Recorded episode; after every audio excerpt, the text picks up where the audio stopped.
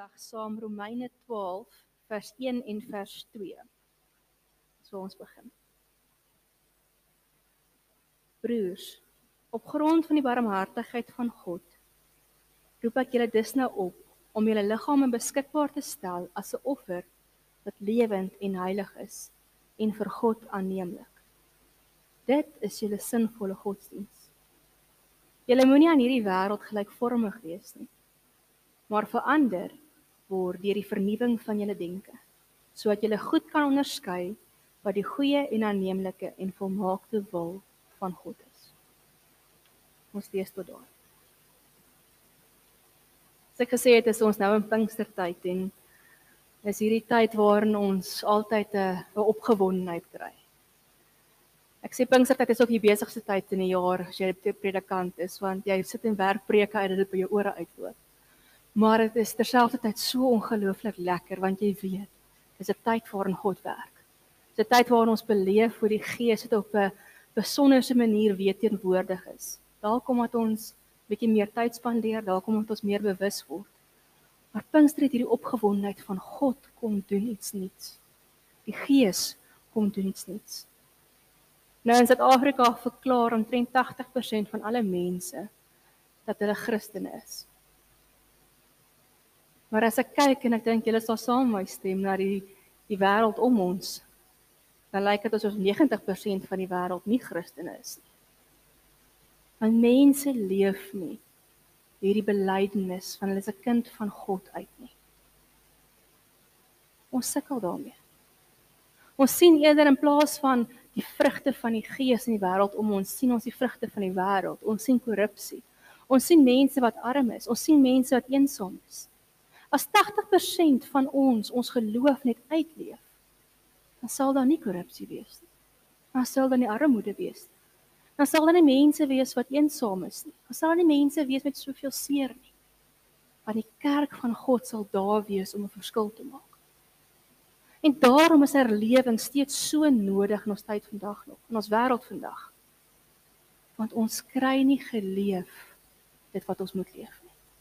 Romeine 12 sê presies dieselfde. Hy sê ons moenie aan hierdie wêreld gelyk word, gelykvormig nie. Om dit anders te stel bietjie makliker is, ons moenie die patroon van die wêreld hê nie. Jy weet mos 'n patroon is 'n 'n ding wat jy uitknip as jy nou klere maak of as jy koekies druk, dis dieselfde vorm vir alles. Nou ons as Christene mag nie hierdie selfde vorm hê as die wêreld nie. Ons mag nie net vir onsself leef nie. Ons mag nie toelaat dat hierdie dinge wat nie in God se wil is nie, om ons gebeur nie. Ons is gemaak om 'n ander patroon te wees. Maar dit is nou nie so maklik nie. Ons praat baie daaroor. Ons weet dit, ons sing dit, ons glo dit. Maar ring, dit is moeilik. Dit is moeilik om stroom op te leef. Dit is moeilik om in die skool te sê, nee, ek gaan nie na hierdie partytjie toe waar jy drink nie want dit is nog nie reg nie. Dis moeilik om by die werk op te staan en te sê, weet jy wat, hoe hierdie mense nou behandel word is nie reg nie. Dis moeilik om as iemand jou sê, ag man, kyk net aan die ander kant toe, niemand gaan sien nie. Om te sê nee, dis nie reg nie. Dis moeilik. Want die wêreld se patroon is patroon wat ons druk. Dis 'n patroon wat oral om ons beskikbaar is en ons druk om 'n ding om te leef soos ons nie wil leef nie. En God wil ook nie hê ons moet so leef nie. Romeine self staan hier en dis nie net hier nie, maar dat ons onsself moet gee. Dat ons vir God heilige en aanneemlike offers moet wees. Lewendige offers. Nou, onthou Paulus was 'n Jood, so hy het net die offertaal geken wat ons dalk nou nie so goed ken vandag nie. En maar as ons na die Ou Testament gaan kyk, dan was 'n offer iets wat jy gebring het vir God. Dikwels was dit graan of 'n dier gewees of jy kon selfs wierook vat, maar of jy kon iets van jou ander besittings vat. Maar gewoonlik het jy dit gevat, jy het weggegee vir die Here en dit is verbrand. So jy kon dit nooit weer terugkry nie. En dit was also simboliek om te sê ek gee vir God. En met daai gee het jy partykeer gesê Here, ek gee omdat ek jammer is omdat ek sonde gedoen het, verkeerd gelewe het, 'n skuldoffer. Of jy kon daai offer gegee het of weer te sê Here, dankie. Dankie dat U vir my sorg. Dankie dat U vir my iets gegee het. Dankie vir wat dit ook al is. Daarom het ons vandag nog dankoffers ook in die kerk. Ons kon ook hulle het ook offers gegee om net eenvoudig vir God te aanbid. Om net vir Here te sê Here, ons is dankbaar. Ons ons sien wie U is en ons kom eer U vir wie U is. Maar 'n offer se waarde het eers gebeur wanneer daardie offer verbrand is, wanneer hy dood is, wanneer hy vernietig is. En nou hoor nou mooi wat sê Romeine. Romeine sê julle is lewendige offers. Nie dooie offers nie, lewendig. Nou wat sê Paulus en hy sê as ons nie in die wêreld se patroon wil wees nie, as ons anders wil lewe, soos God van ons vra, vra hy terwyl ons nog lewe. Nie eers as ons eendag dood is en hemel toe gaan nie, terwyl ons vandag nog lewe, vra God van ons dat ons onsself volkome weggee sodat hy daardeur verheerlik kan word. Deur onsself te gee, sê ons vir God dankie. Vir deur onsself te gee, sê ons vir Here, Here vergewe my. Deur onsself te gee, kom gee ons dit aan God die eer wat hom toe kom. God vra dat ons 'n lewendige offer moet wees. Om in alles wat ons doen, alles wat ons dink, alles wat ons sê te wys dat ons sy kinders is. Dat ons met alles wat ons is, hom wil gelukkig maak, hom tevrede stel. Dis nie iets wat eers kan gebeur eendag nie. Dis iets wat nou al moet gebeur. Ons kan nie net nou en dan sê ons leef ons Christendom en dink is voldoende nie. 'n Offer is 24/7 die gee van jouself. Maar nou wonder ek myself baie daal. Is dit moontlik? Is dit moontlik dat ek ooit vir God tevrede gaan stel met my lewe? Want vrek weet, dis moeilik. Ek kan nog dink oor jy gaan nou probeer om mooi te dink en mooi te werk en die regte dinge te doen en dan as ek my kom kry, ag, dan is die goeie voornemens by die venster uit. Ons sukkel hiermee. Is dit enigstens moontlik vir ons as mense om God tevrede te kan stel? Ja. Maar nie omdat ons dit doen nie. Nie omdat ons oulik is of ons hard probeer nie. Paulus sê hier op grond van God se barmhartigheid gee julleself as offers. Grond van God se barmhartigheid is dit moontlik dat ons 'n lewe kan leef wat God gelukkig maak. Nou wat is barmhartigheid? Dis hierdie groot woord ons baie keer in die kerk hoor. Maar wat beteken dit? Barmhartigheid beteken letterlik 'n groot en 'n ruim hart. Omdat God vir ons 'n groot hart het. Omdat hy vir ons soveel omgee, omdat hy so lief is vir ons, is dit vir ons moontlik om te kan leef soos hy wil hê ons moet leef vir julle wat donderdag aand hier was met die hemelvaartdiens, ek wil by daai prentjie aanhak. As julle dalk nie was nie, is elektronies op beskikbaar. Maar daar het ons 'n beeld gebruik van hoe partykeer ons lewens is soos 'n boot wat gate in het en die water stroom net in en in en maak nie saak hoe jy probeer om hierdie water uit te hou nie. Jy voel oorweldig.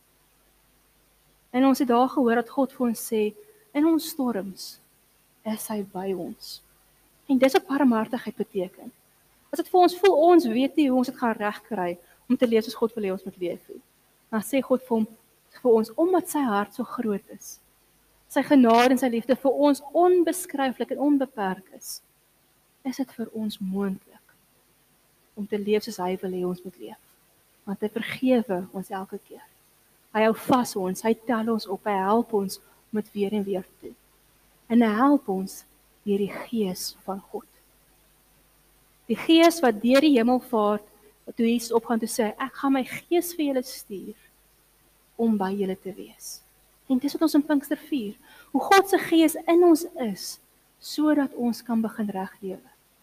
So dit is moontlik, maar op grond van wie God is. So hoe verander ons ons patroon? Of hoe hoe verander ons dat ons nie in hierdie patroon van die wêreld is nie? Hoe word ons anders? Romeine sê vir ons en dit staan in Efesiërs ook, dit staan in Kolossense. Ons het eintlik dieselfde gedagte gelees in Spreuke ook vanmôre. Ons verander dit deur ons gedagtes te laat net word. Dis al van hoe kom ons gedagtes? Hoekom verander ons nie net ons lewens en ons gaan aan nie want dit is tog waarvan die Bybel praat, ons moet anders leef. Hoekom sê Romeine dan vir ons ons moet ons gedagtes verander? In die Bybelse tyd was die gedagtes in in die plek gewees waaruit jy geleef het. Hoe jy gedink het is hoe jy gepraat het en hoe jy geleef het. Ons sien dit in Spreuke wat staan. Ek kom nou net hierdie keer reg lees vir ons. Wees veral versigtig met wat in jou hart aangaan want bepaal jou hele lewe.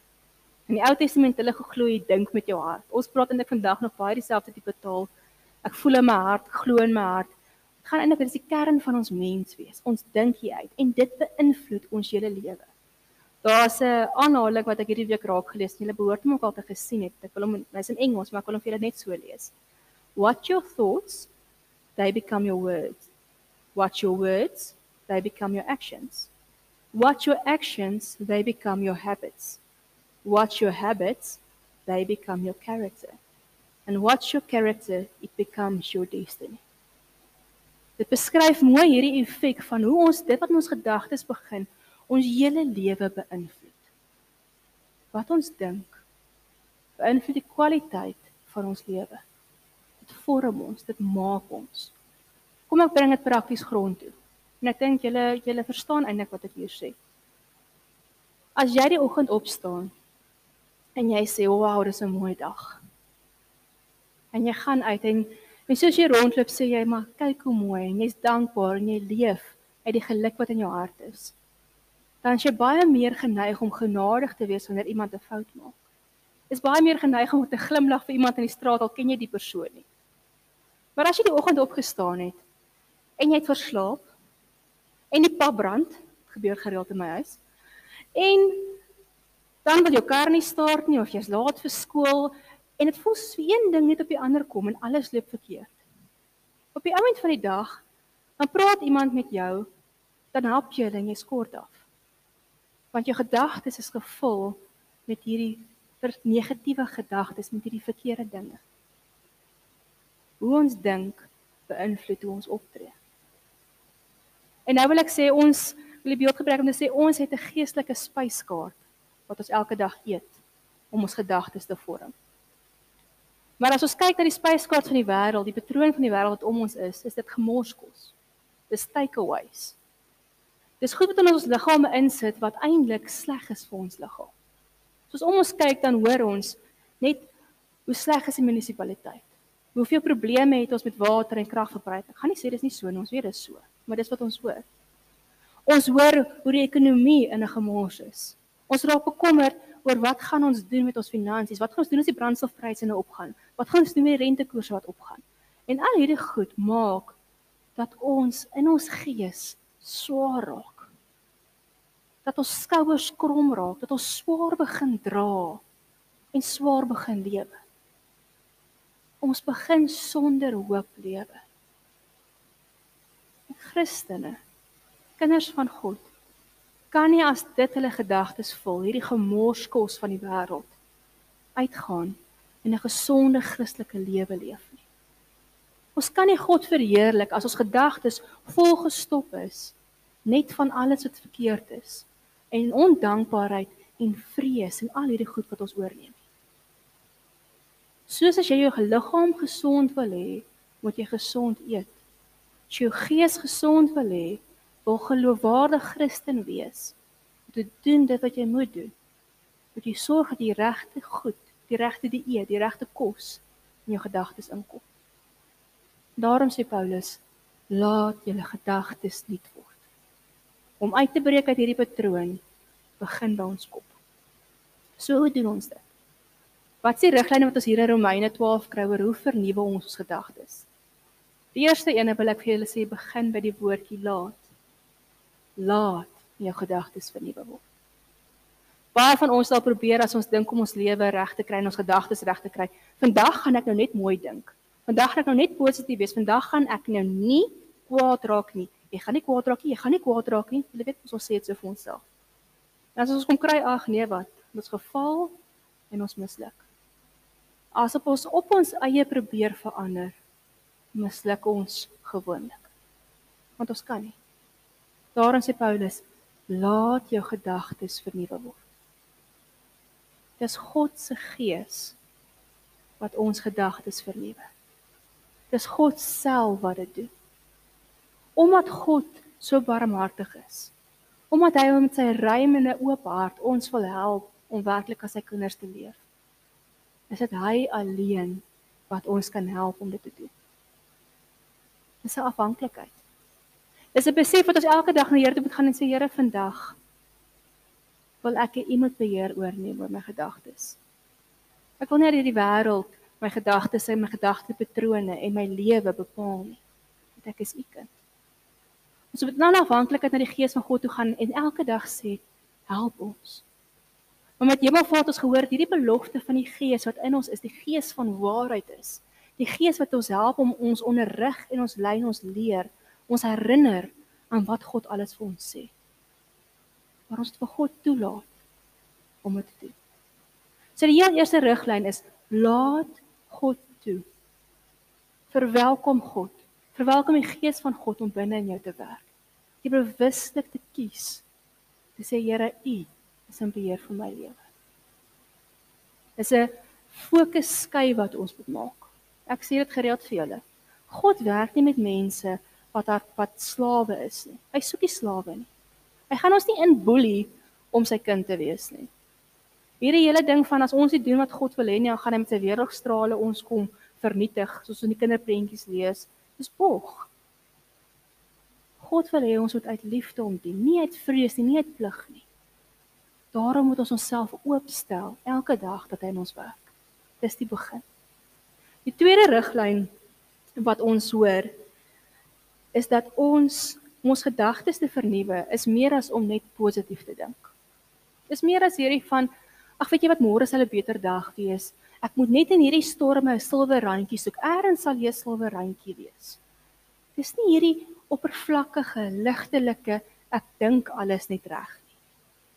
As Paulus praat van ons moet ons gedagtes laat vernuwe, is dit diep algehele lewensverandering. Dit wat binne-in is, diep binne moet verander sodat dit wat uitkom reg is. Ek kom terug na die kindermoment. Dit wat buite is mag dieselfde lyk, maar dis dit wat binne-in is wat belangrik is. So Paulus gebruik die woord hier en hy sê jy moet 'n metamorfose, metamorfose ondergaan. Nou, ek dink die meeste van ons weet metamorfose beteken daai wat die skoenlapper eiertjie 'n wurmpie word, die wurmpie word groot, hy word 'n rusbin, hy eet alles op. Dan spin hy homself toe in 'n kokon, dan word hy 'n papie en dan word hy 'n skoenlapper. Metamorfose is hierdie proses van 'n algehele verandering van wie jy is. Jy moet van binne af vir totaal en al verander om buite ook anders te lyk. As jy jou lewe in die patroon van God wil leef, moet jy bereid wees dat God jou van binne af verander. Maar wat doen ons?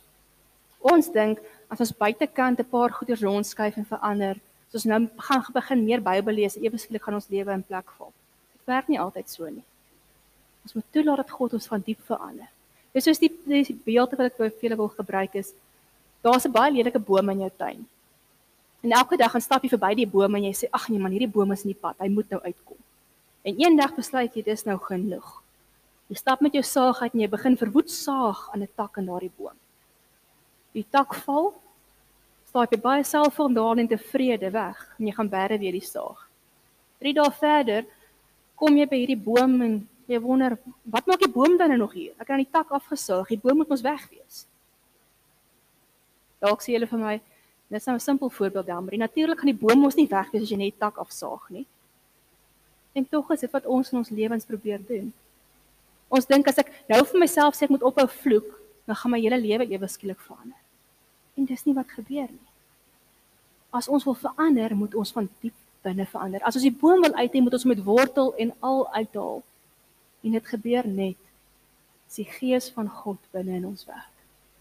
So die tweede riglyn wat jy dan moet vashou is dat hierdie verandering waarvan God praat 'n algehele verandering is.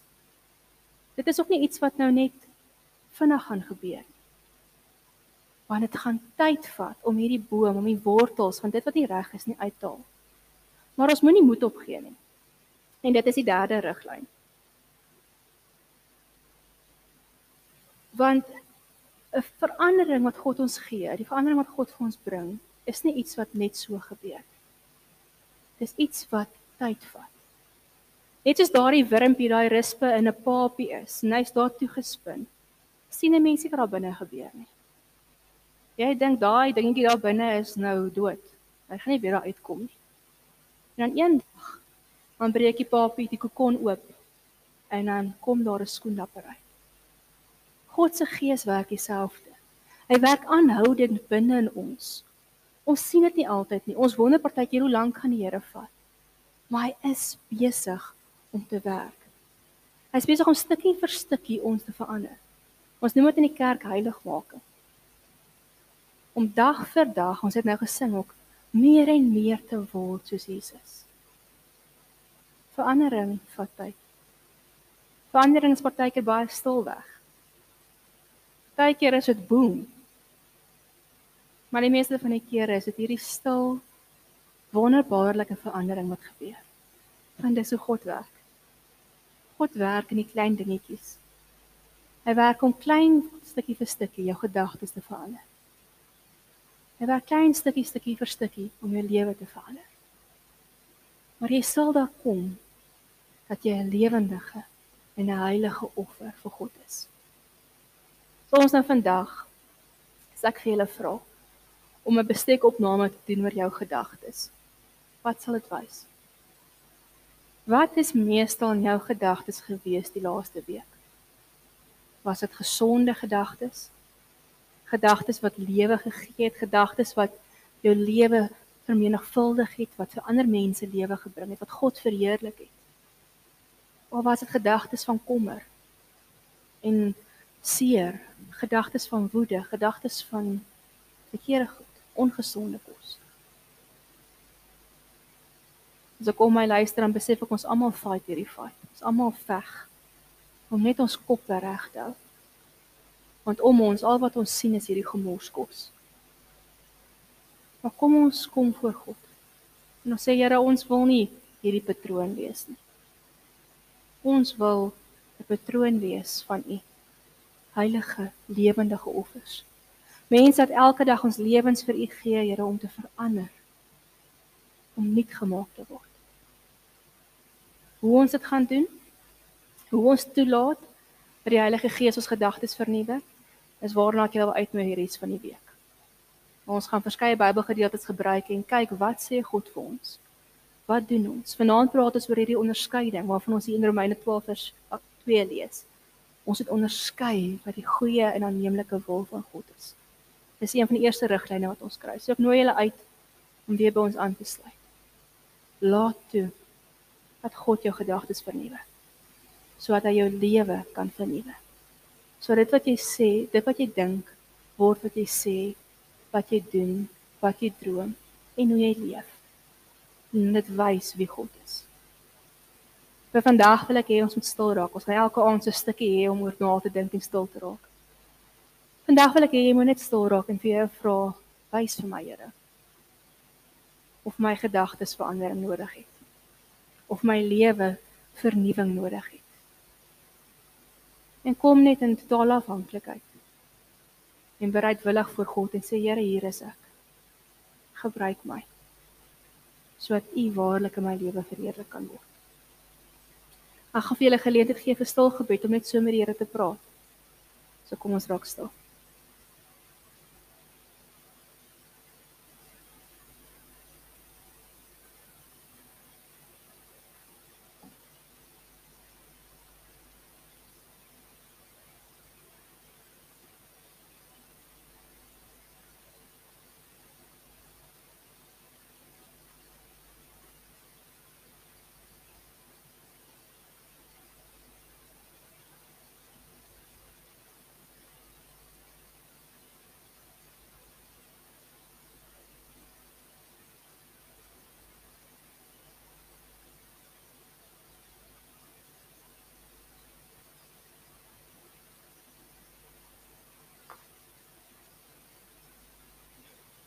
Here, ons kom vandag na U toe.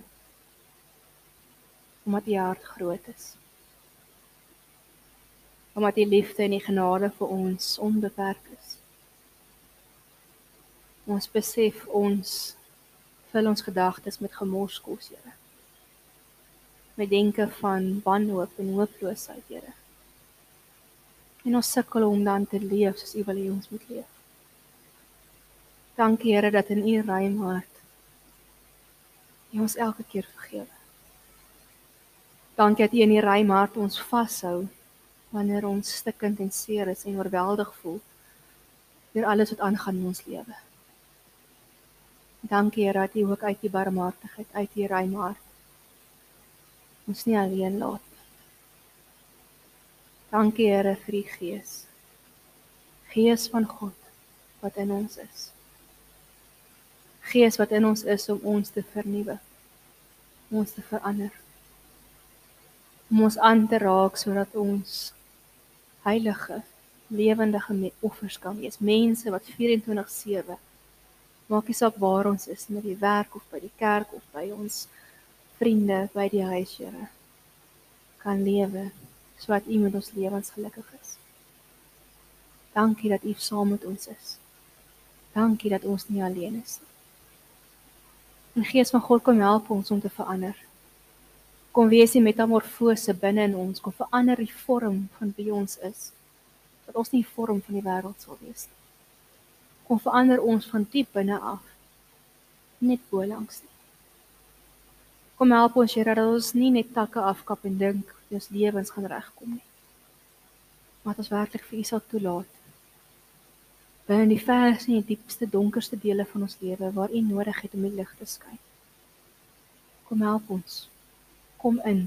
Kom verander daar. Kom werk aanhoudend in ons Here, dink net nou en dan nie. Kom help ons om altyd vir U oop te wees. Ons dink so baie keer Here, ons word in geestelik gevoed as ons Bybel lees en as ons kerk toe kom en bid Here bywoon. Maar ons besef hier hierdie verandering kan net waarlik waarlik wees as U dit heeltyd doen. So Here konfronteer ons by ons werk, konfronteer ons by ons skool, konfronteer ons in ons huise, Here kom werk aanhoudend in in in ons sodat ons kan verander. Dankie Here dat U alleen dit doen. Help ons Here om saam met U daar te wees. Help ons Here om te leef met U barmhartigheid. Here ons kom bid vir hierdie week. Dat U ons sal vat. Dat U ons sal omdop Here en dat U ons sal nuut maak vir U. Dankie Here vir die voorreg om U te kan ken en dit te kan vra. Dankie dat U saam met ons die pad stap. Here, ons kom bid ook vandag vir elkeen wat se môre is en hierdie stryd voer teen hulle gedagtes. Die party van ons gedagtes is gevul met kommer oor die toekoms. So gevul met gedagtes oor siekte, Here, en verlies. Here, ons gedagtes is gevul met met soveel dinge Here, ons kom vra dat U ons sal aanraak. Lig op ons harte. Ons harte en ons oë na U toe, Here. Verlig die mense wat siek is, Here, verlig die mense wat swaar kry, verlig die mense wat seer het en bekommerd is. Here, lig ons op. Vernuwe ons. Vir U, Here, sodat ons lewe waarlik vir U kan wees. Amen.